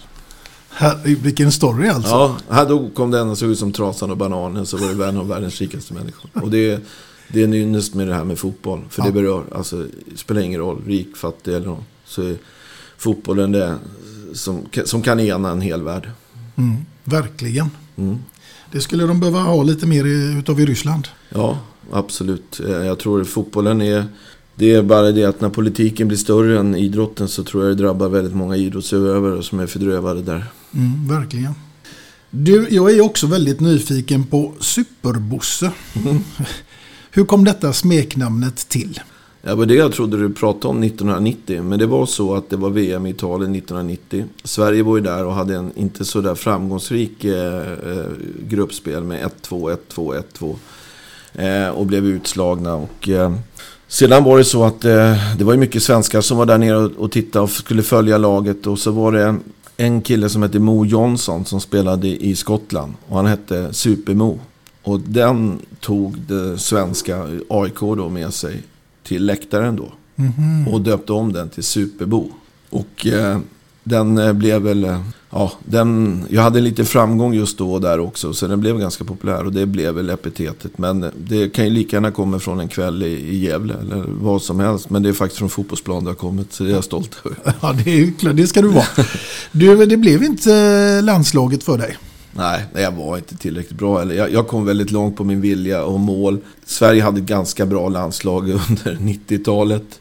Eh, så att, att jag var aktuell där skulle inte vara. Men däremot så var jag väldigt nära en gång att, att på grund av närheten att jag spelade i Djurgården och skulle åka och spela till England. Eh, men de ringde Dick Lidman istället. Han hade väl lite nära. Han bodde i Sollentuna och jag bodde inne in, i, i, i stan då. Så det var, det har Tommy Svensson sagt till mig. Det var en gång var det nära vi höll på att ringa. Men vi ringde Dick för vi visste att han bodde i Sollentuna. Han hade närmare till Arlanda. Ja. ja, men du har ändå en enorm eh, vinnarskalle. Det har jag förstått när man har pratat med folk Ja, som känner dig. Ja, jag, det jag brinner för och det jag tycker är kul, det har jag en jävla förmåga att uppnå. Och vad det om det är vinnarskalle eller men jag är jävligt målmedveten, jag är jävligt envis och tjurig. Och eh, ja, det är klart att jag gillar att, att vinna. Eh, och eh, om du frågar mina barn, eh, barnkompisar eller sådär, eller under ungdomsåren. Eller så, ja, jag var nog hänsynslös skulle jag vilja säga för att uppnå mina mål. Jag hade begränsningar. Det fanns de som var i min generation eller de jag spelade med både i lägre divisioner alltså, som var bättre fotbollsspelare. Men att jag lyckades, ja det, det berodde på att jag var lite... Jag ville så jävla gärna och, och, och gav allt i alla situationer. Och det är klart, då får- man också smällar så att säga. Men eh, det var, det var inte talangen, det var mer att jag... Att man inte kastar bort det liksom. När man har, kan påverka det. Mm. Absolut.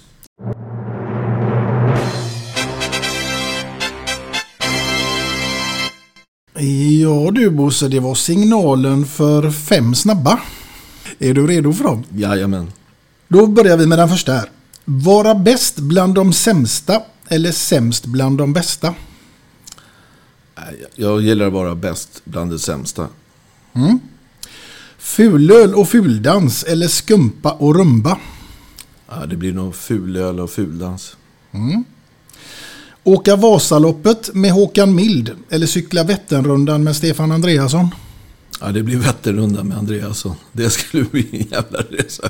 Det skulle ta några timmar tror jag. Ja. Ja. Vara programledare för Farmen eller Allsång på Skansen? Ja, jag skulle gärna vilja vara det på, på Allsång på Skansen. eh, Men eh, jag har, eh, det skulle nog inte bli något bra underhållsvärde. Jag kanske skulle kunna ta på mig en blå kavaj och köra en kväll i juni. Men det räcker liksom inte. Men däremot så, så då får det bli Farmen. Mm. En simtur med Anna Anka eller en flygtur med Magnus Uggla? Ja, Magnus Uggla, det är valet. Jag älskar Magnus Uggla och vi har, vi har kontakt och jag älskar hans musik och jag gillar han som person. Så det är 17 att få göra en flygresa med Magnus Uggla, det skulle jag älska än att åka med Anna Anka. Mm. Ja, det var ganska tydliga svar. Ja. Ja. Du, nu kommer det någonting här som kommer förmodligen att bli väldigt, väldigt roligt och intressant. Därför att eh, din uppgift här nu, det blir att placera ut kända fotbollskamrater som du mött under din karriär och som här passar in under respektive karaktär. Och då pratar jag om Snövit och de sju dvärgarna. Så den första ut här, det blir Kloker. Vem utav alla dina eh, spelare som du har tränat och spelat med skulle kunna få representera honom? Äh, klok skulle jag sätta Stefan Rehn. Otroligt klok, kunnig, ett otroligt spelsinne. Eh, det skulle vara Stefan Rehn, kloker. Mm. Toker då? Toker, ja det skulle vara... Eh, svår fråga. Toker, alltså... eh, Man Kan man ju vara... vara- Man kan vara tokig på ett roligt sätt. Ja, absolut. En, en spelare som, som, eh, som jag gillar och som jag skulle definitivt eh, ha med i ett lag. Det är Leif Nilsson. Han spelade i Djurgården och jag lärde känna han i Vasalund. Han är tokig på plan, kunde vara tokig på träning och eh, framförallt en otroligt lojal lagkompis och vän. Mm, härligt, den fick Leif. Vi tar oss från Toke till Trötter. Trötter. Ja, det, jag skulle nog säga att eh, Leffe Olsson var en trött jävel. Han, han gillade att spela fotboll i mittcirkeln och, och ut och, och, och, springa eller förbereda sig. Men nu, nu har jag hört att han springer långlopp eller sånt där. Tänk om han gjort det då. Men han, eh, epitetet var tröttare. Han, var, han trivdes bäst att stå och fördela bollar i mittcirkeln. Ja, den fick Leffe. Vi tar oss från Trötter till Butter. Ja, Butter, eh, det är, ska vi se här. Eh, butter, alltså det, det finns ju alltid de som, som aldrig riktigt är nöjda. Det fanns en som hette Micke Nilsson som jag spelade i Djurgården. Han var aldrig riktigt nöjd. Och allting... Han gnällde för det mesta. Så att Micke Nilsson skulle få det av mig. Men däremot så, så var han butter på ett härligt sätt. Men han gnällde jämt. Mm. Med glimten i ögat. Ja. Vi tar oss från butter till dess raka motsats och då blir det ju glader. Ja, glader. Där, där finns det. Jag har ju spelat med många. En som alltid är glad och, och som ger energi, eh, det är Glenn Schiller. Fantastisk människa som, som, som fotbollsspelare har ett omklädningsrum eller som ledare. Jag kan säga att han har fått den ett par gånger tidigare. Vi tar oss ifrån Glader och Glenn till Blyger.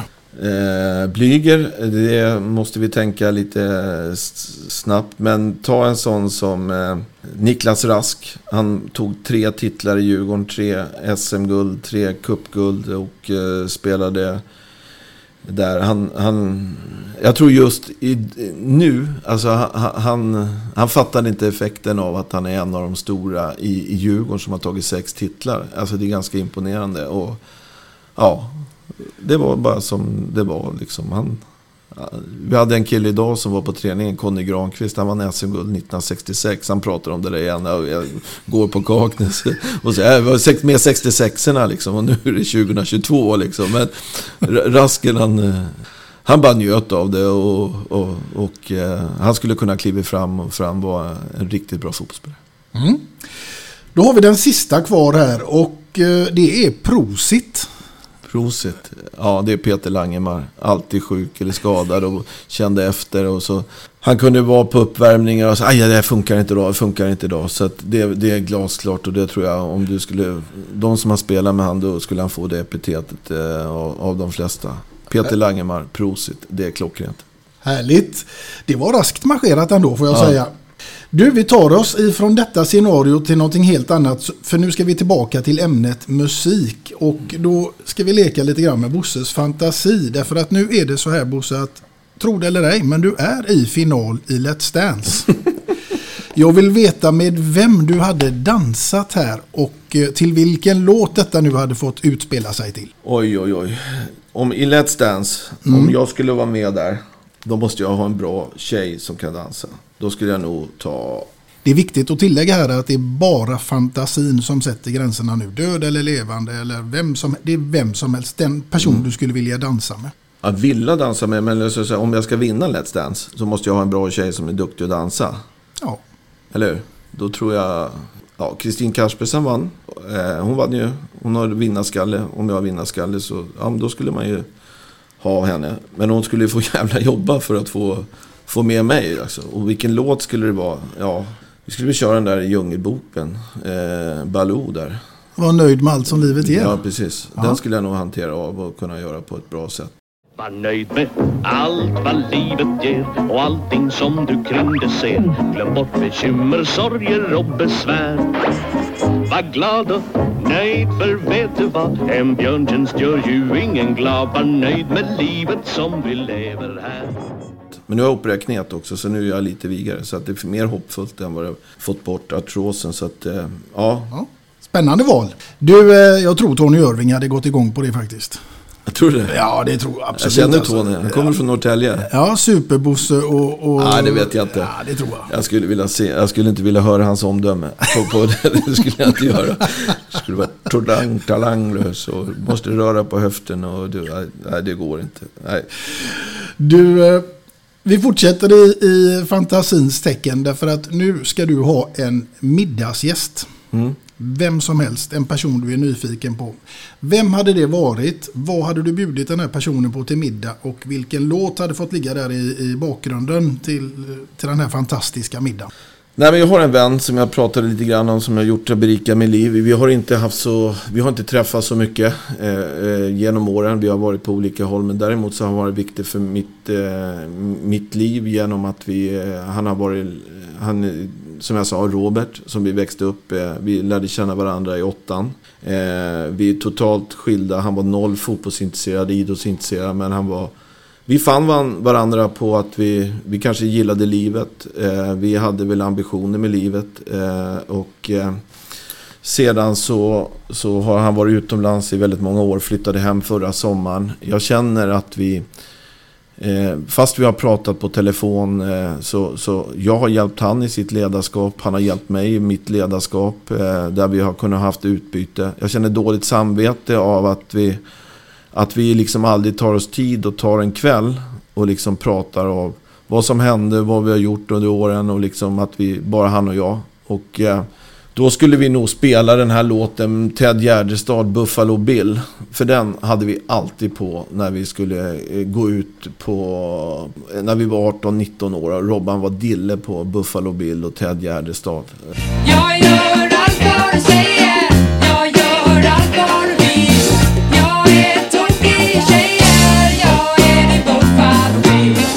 Den var, skulle alltid spelas innan man hoppade in i en taxi för att åka in till Norrtälje eller var man skulle åka eller något sånt där. Mm.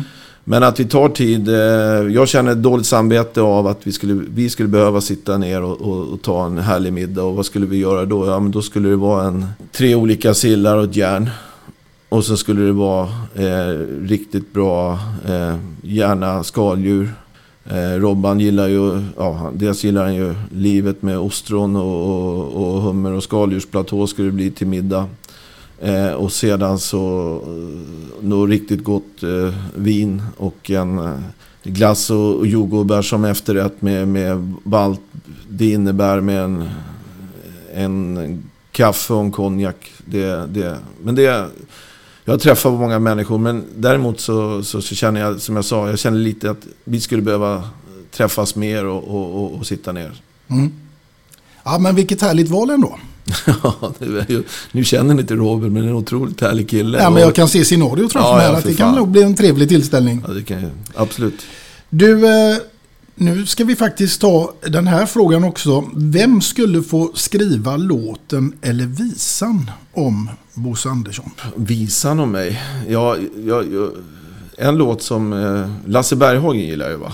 En kväll i juni, den har ju jag satt på, på kartan. Och, och eh, någon, ta, någon, jag tror Lasse Berghagen skulle kunna göra det på ett jävligt bra sätt. Han vet att jag har eh, eh uppträtt, jag fick en signerad bok. Eh, eh, när han släppte sina memoarer och han gillar att jag har kört den där kväll i juni.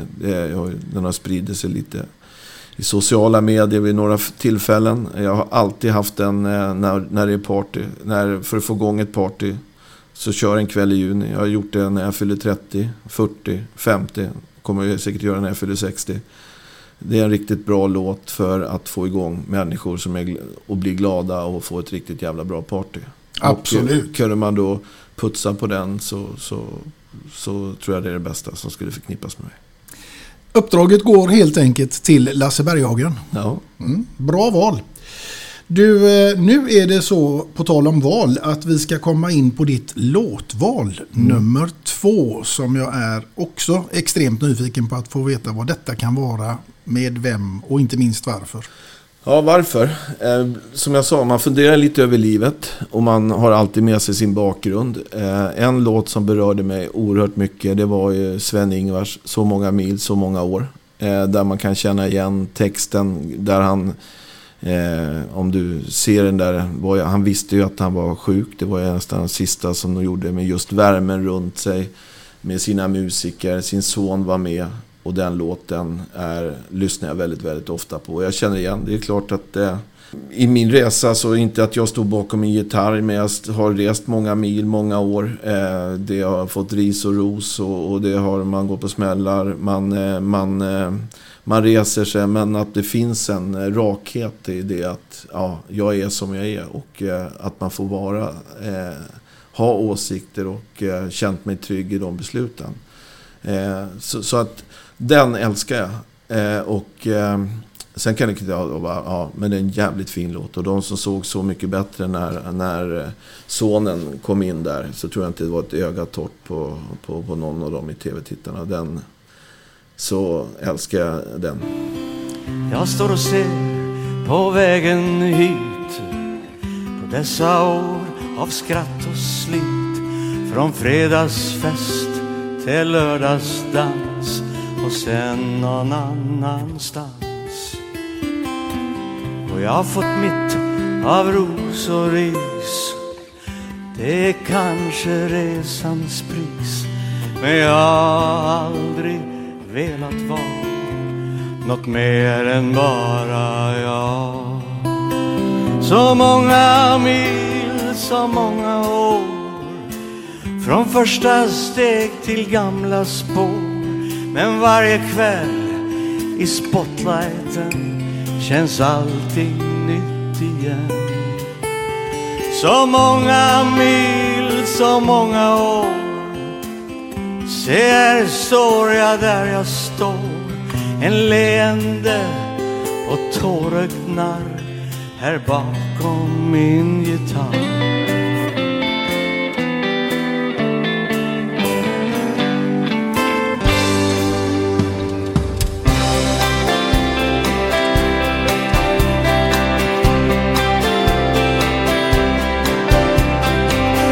Har sett dig från under nu, med gråa stänk men ändå du. Med några streck i ögonvrån. Men vackrare ändå och allt jag gör gör jag för dig. Som alltid såg och hörde mig? Som alltid visste var jag fanns kvällens sista dans. Så många mil, så många år. Från första steg till gamla spår. Vi har haft våra tvära kast Men ändå höll vi fast.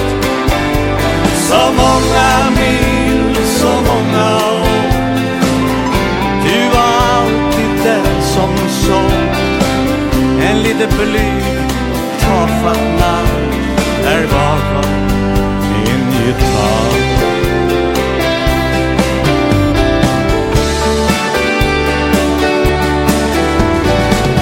Jag står och ser på vägen hit. Ser en mening med allt slit.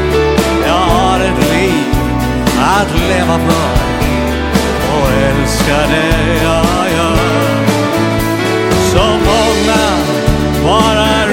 Fram och söker tröst i stoj och glam. Så många jagar stjärnors ljus och glömmer sina hus. Så många mil, så många år från första steg till gamla spår. Allt som växer till något bra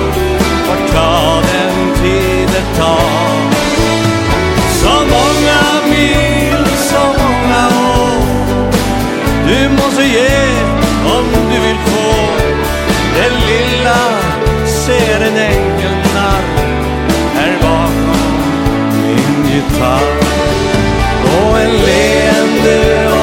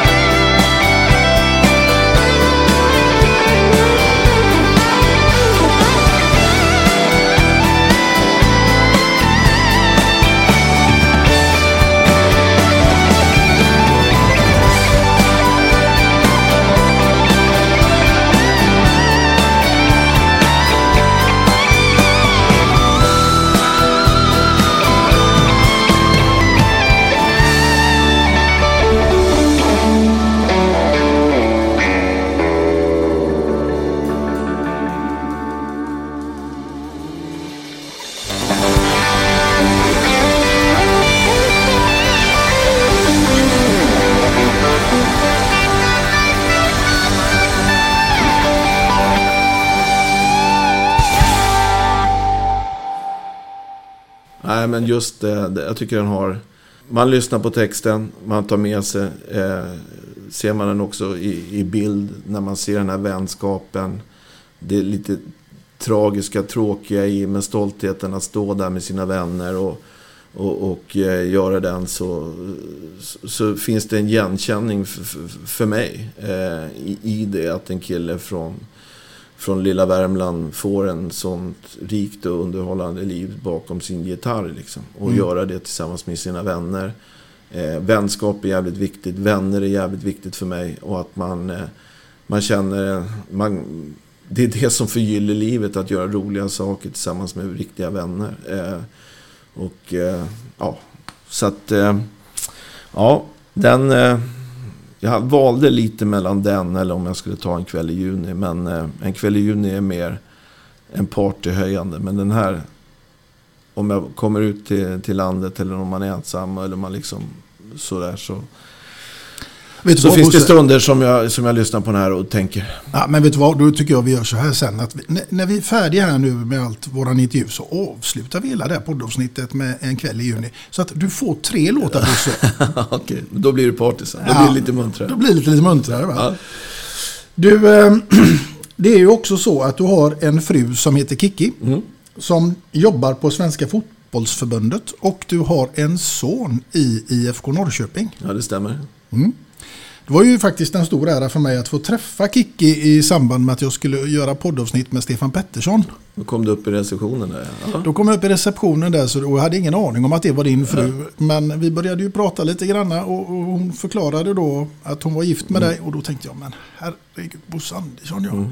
Beundransvärd kvinna va? Det måste Ja. man säga. Ja men absolut, jag fick ju inte träffa henne så mycket. Jag pratade med henne en kvart, 20 minuter. Men något. du hade gjort en podd med Stefan Rehn precis där. Och då hade väl ni pratat lite om mig. Och det var därför det var tändande gnistan. Ja, Ja. helt rätt. Stefan hade mycket fantastiskt att säga om dig också. Ja, jag fick Eh, ett dåligt samvete för det var precis podd och så pratade frugan om Kikki. Tänkte jag, jag hade precis spelat in en podd där med Stefan eh, Glenn Hysén. Mm. Och jag hade inte stämt av jag, med Stefan och tänkte om han hade hört den. Liksom, om det var det, var Stefan och podd och jag hade precis spelat in det. Så att, men Stefan, jag, jag, jag fick check på de grejerna med, med, med Stefan. Så att, eh, ja, jag, jag körde på lite grann där. Det går i Göteborg, så Stefan är stor i Göteborg. Så att, eh, det var några roliga historier om det. Mm, absolut, och jag blev sådär tänkte att jag ska ju göra Bosse liksom. Så helt plötsligt så får jag veta att Glenn och Micke ska hit upp och göra det. Nej, tänker jag, herregud. Kunde inte jag fått vara etta på bollen här? Det är första gången Glenn är etta på bollen. Ja. Ja. Men så, så min son han spelar i Norrköping istället. Han, jag tror det är viktigt att man oavsett så. Han har gjort sin egna grej. Han gjorde sitt val att åka till Norrköping. Han har stark utveckling. Han trivs väldigt bra där. Eh, och just för han så var det passande. Eh, och eh, han kommer att vara kvar i Norrköping och framöver. Och så får vi se vad vi möts.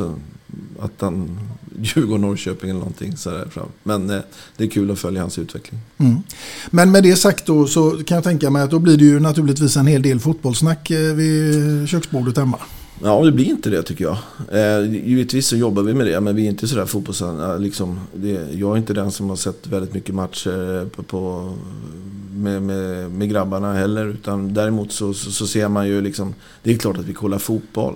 Det finns en, mer en förståelse när det är förlust och det är digniteten av matcherna. Det, det kan det ju finnas. Eh, men däremot så sitter inte vi och... och vi är inga fotbollsnördar. Vi älskar livet eh, mer än att sitta och snacka fotboll och grejer. Och att, eh, men det är ett bra stöd. när Ibland går det bra, ibland går det dåligt. Och eh, så finns det en förståelse för det. Och det är väl likadant när det är med landslaget. Idag i fotbollen, eh, ja, vinner man inte fotbollsmatcher så får man kritik. Och vinner man så är man en hjälte. Och det, det är liksom... eh, man bedöms. Och det, det, det har vi med oss. Mm, absolut. Du, på tal om det här med livet. Nu blir det en sån här lite djupare fråga. För nu tänker jag fråga dig, vad innebär ordet livskvalitet för Bosse Andersson? Nej, men livskvalitet är att det finns eh, miljöer där man trivs. Eh, jag gillar ju skärgården. Eh, det är viktigt för mig. Det får en distans till att man är, man är inne, det är min ventil. Eh, att vara ute i skärgården och tillhörigheten där. Någonting som är livskvalitet för mig är viktigt att du har vänner runt omkring dig och du gör roliga saker. Eh, och eh, ha, har en meningsfull vardag. Liksom. Eh, det är, har man inga vänner och liksom inga intressen. Men jag, jag, har, jag har fotboll som, som jag är tacksam för, som jag har varit en stor del av mitt liv och Det har varit mitt yrke. Alla säger att ja, det är så kul att jobba med det som du... Ja, intresse. Ja, fan är det det. Men det är jävligt svårt också. Det är ett stort ansvar och, och stimulerande. Men det är inte alltid man tänker på att men det är min, min hobby. Ja. Och i det svåra det här jobbet så flyter det ju med. Det är ett jobb som du, det är en livsstil. Och jag har gjort det väldigt länge. Och, men samtidigt så måste du bryta av och ha distans och inte göra det så dramatiskt. Och hitta andra miljöer som du, som du får eh, kickar i. Jag har som sagt var haft en restaurang ute i skärgården och man ser unga människor jobbar hårt och och, eh, och, till, och göra det tillsammans. Att känna den här tillhörigheten. Att vad jag gillar med mitt fotbollsjobb det är att få människor att vara en del av ett, ja, ett omklädningsrum. Vara del av ett lag som tillsammans uppnår mål med olika typer av personligheter. Och det är en ynnest att få vara med och vara delaktig i, i människors vardag som, som kan från att du blir duktig i fotboll så, så kan du förändra livet för en hel familj eller på allting. Och det, det är balla resor som jag tror i efterhand när man väl slutar och tänker fan vad man har betytt många, eh, mycket för många människor som, som, som har utvecklats och som kanske har förändrat livet för dem. Mm, absolut. Du, jag tänker att eh, det finns säkert eh, unga killar som eh, kommer att lyssna på den här podden som satsar på sin fotboll. Vad, vad, skulle du kunna ge för de här, till de här killarna för råd för att bli en allsvensk spelare idag? Liksom? Nej, men för det första så, så tror jag att det, ingenting är omöjligt. Och då får man gå till sig själv. Att vad, vad vill jag? Ja, men jag vill bli en allsvensk fotbollsspelare.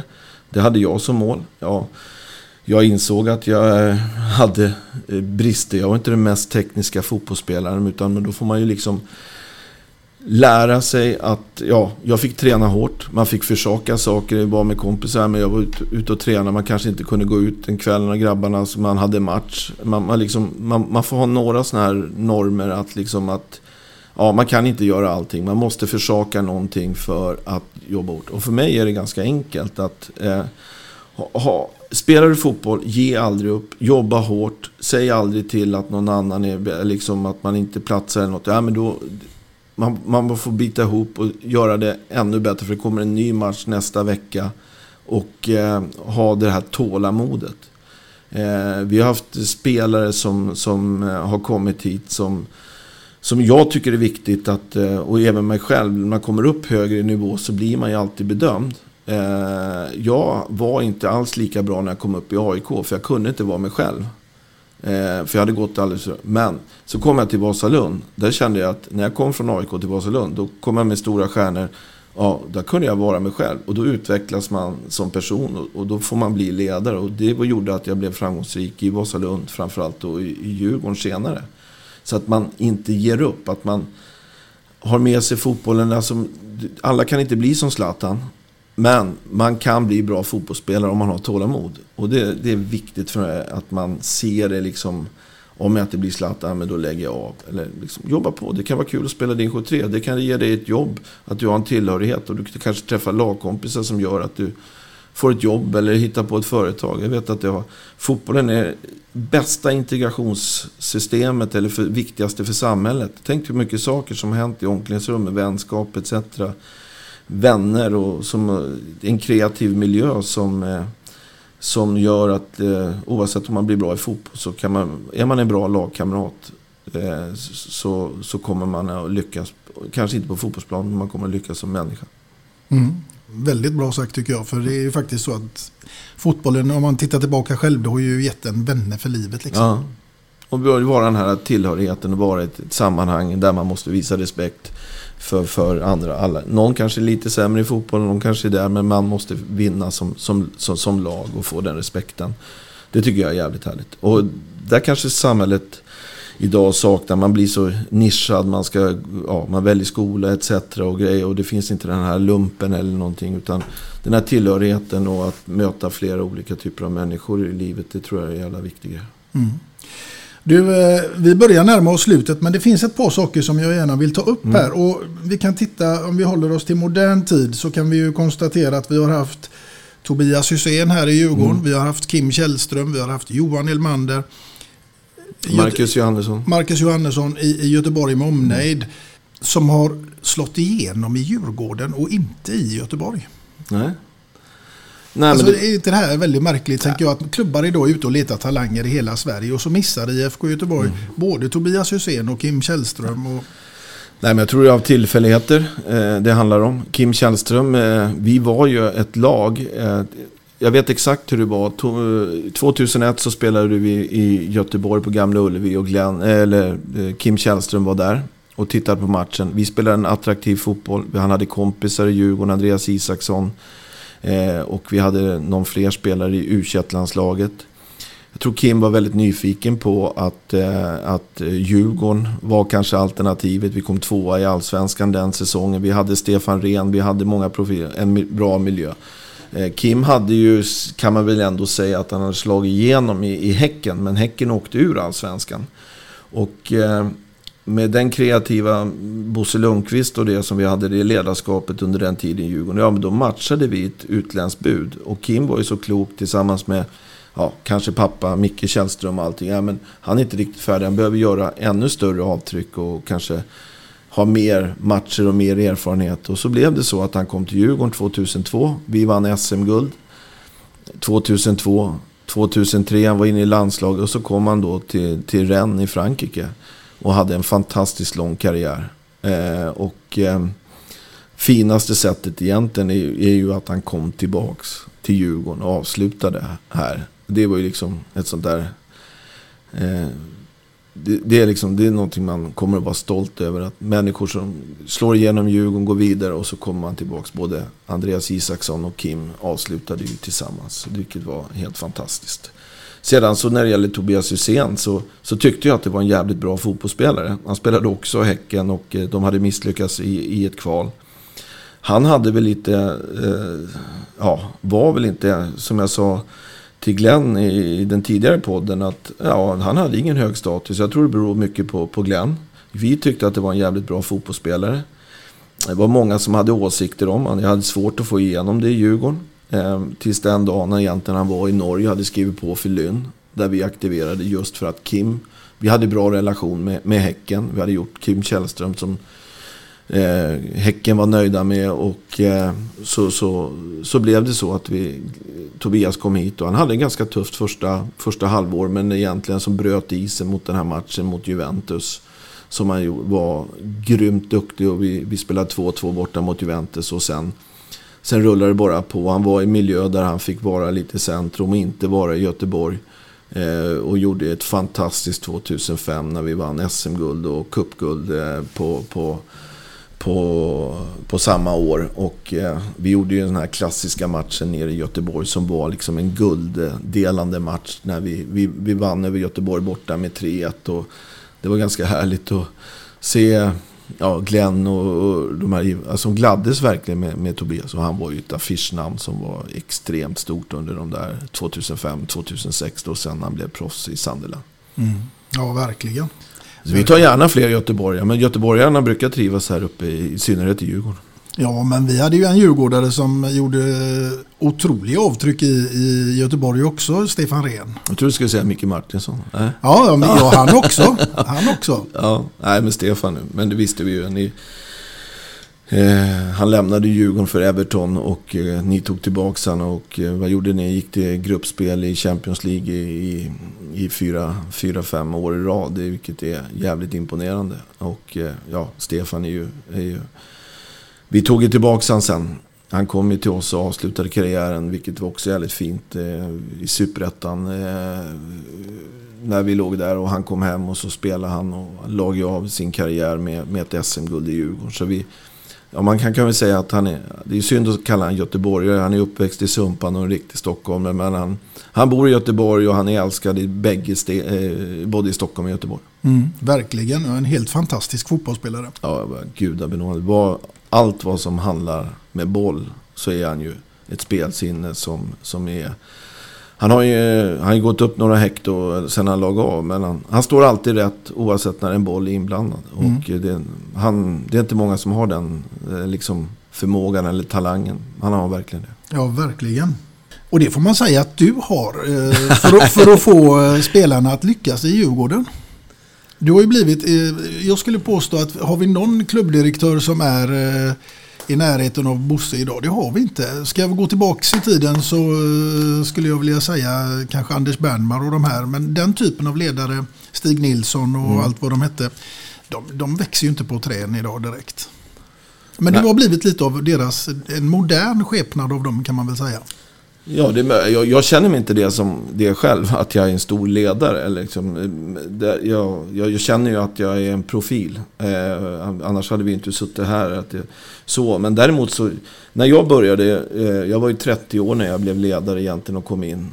Och jag, jag lärde ju mig extremt mycket på mina, eh, liksom, att jag blev respekterad av vad jag tyckte var storheter i, i då. Ja, Stig Nilsson eh, i, i, i Halmstad. Du hade eh, Gunnar Larsson, Göteborg. Thomas Wernersson som var klubbdirektör. Stefan Söderberg i AIK.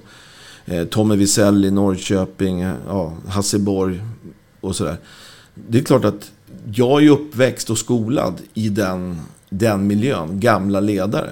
Eh, det, och jag har ju lärt mig extremt mycket. Och det, vad jag tyckte var jävligt kul, det var att jag kanske hade ett extremt driv etc. under den, den tiden och an, entusiastisk och ingenting var omöjligt. Och, men att man blir accepterad av, av de här killarna. Det gör ju att det blir lättare för mig. Mm. Och jag är jävligt tacksam för att, eh, att de tog sig att man svarade telefon. Att, eh, att de respekterade mig fast jag var mycket yngre. Så jag började ju ganska tidigt eh, som, som ledare. Mm. Ja, verkligen en... Men att nämnas i det sammanhang, ja det, det... Ja, för mig är de stora ledare. Jag känner mig inte att jag är riktigt där. Men det är vi många andra som gör. Okej, du. Ja. Du, eh, det har varit naturligtvis en eh, helt fantastisk ära att få sitta här. Men innan vi avslutar det så tänker jag faktiskt att jag ska fråga dig hur dina morgonrutiner ser ut. Mina morgonrutiner? Mm. Ja, man börjar ju vakna lite tidigare på morgonen när man blir lite äldre. Mm. Eh, Det, det gör man. Och, eh, jag brukar vakna på, på, på morgon. Nu är det väl säg, säg, någonstans halv sju, mellan halv åtta. Då går jag upp eh, och tar en kaffe.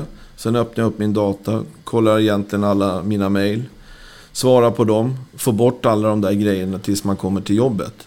Så en kaffe, en hönökaka med jordgubbs, eh, filmjölk och havrefras.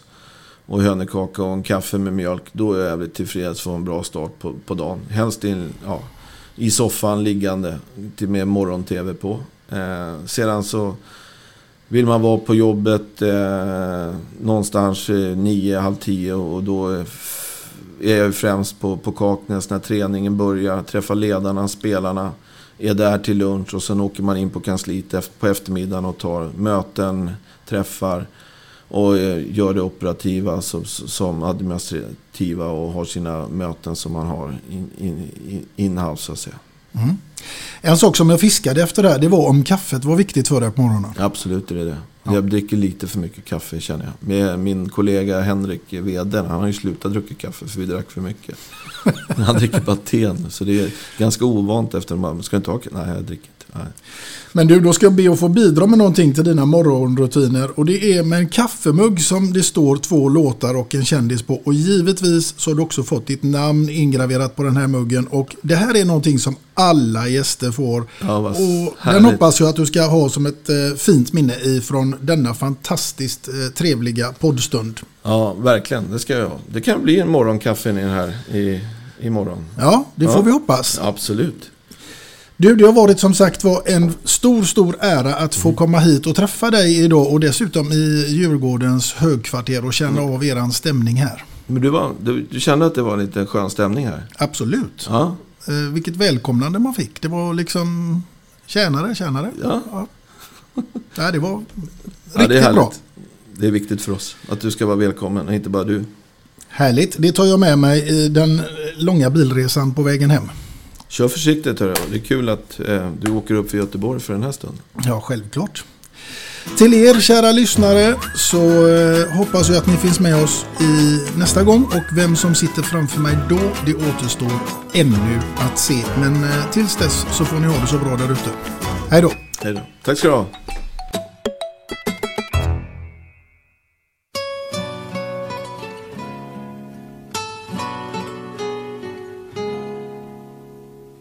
Ja, det var en kväll i juni då när sommaren är som bäst. Hon dansade för morfar som hon gillade allra mest. Hennes morfar satt och nynna på en sommarmelodi. Plötsligt spratt det till i gubben. Han blev ung och han blev fri. Han tog av sig sin kavaj Sparka av sig båda skorna Och så spottade han ut snuset Sa min sköna, får jag lov Hon var vacker, han var stolt Rak i ryggen som en fura Det var sommar, det var glädje Och de dansade och sjöng La la la, la la la la La la la la, la la la la La la la, la la la la La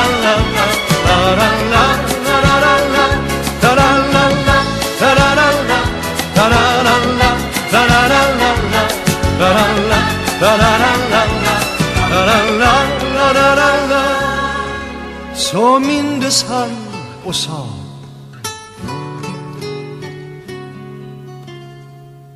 Ja, du skulle sett din mormor. Hon var lika grann som du. När hon dansade i gräset Likadant som du gör nu.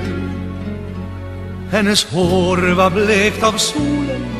Hennes mun av smultronröd Hon var ljuv, liksom en lilja Hennes kärlek var som glöd. Så jag tog av mig min kavaj Sparka av mig båda skorna Och så spottade jag ut snuset. Sa min sköna får jag lov? Hon var vacker, jag var stolt Rak i ryggen som en fura. Det var sommar, det var glädje Oviran sareo ben, la la la la, la la la la, la la.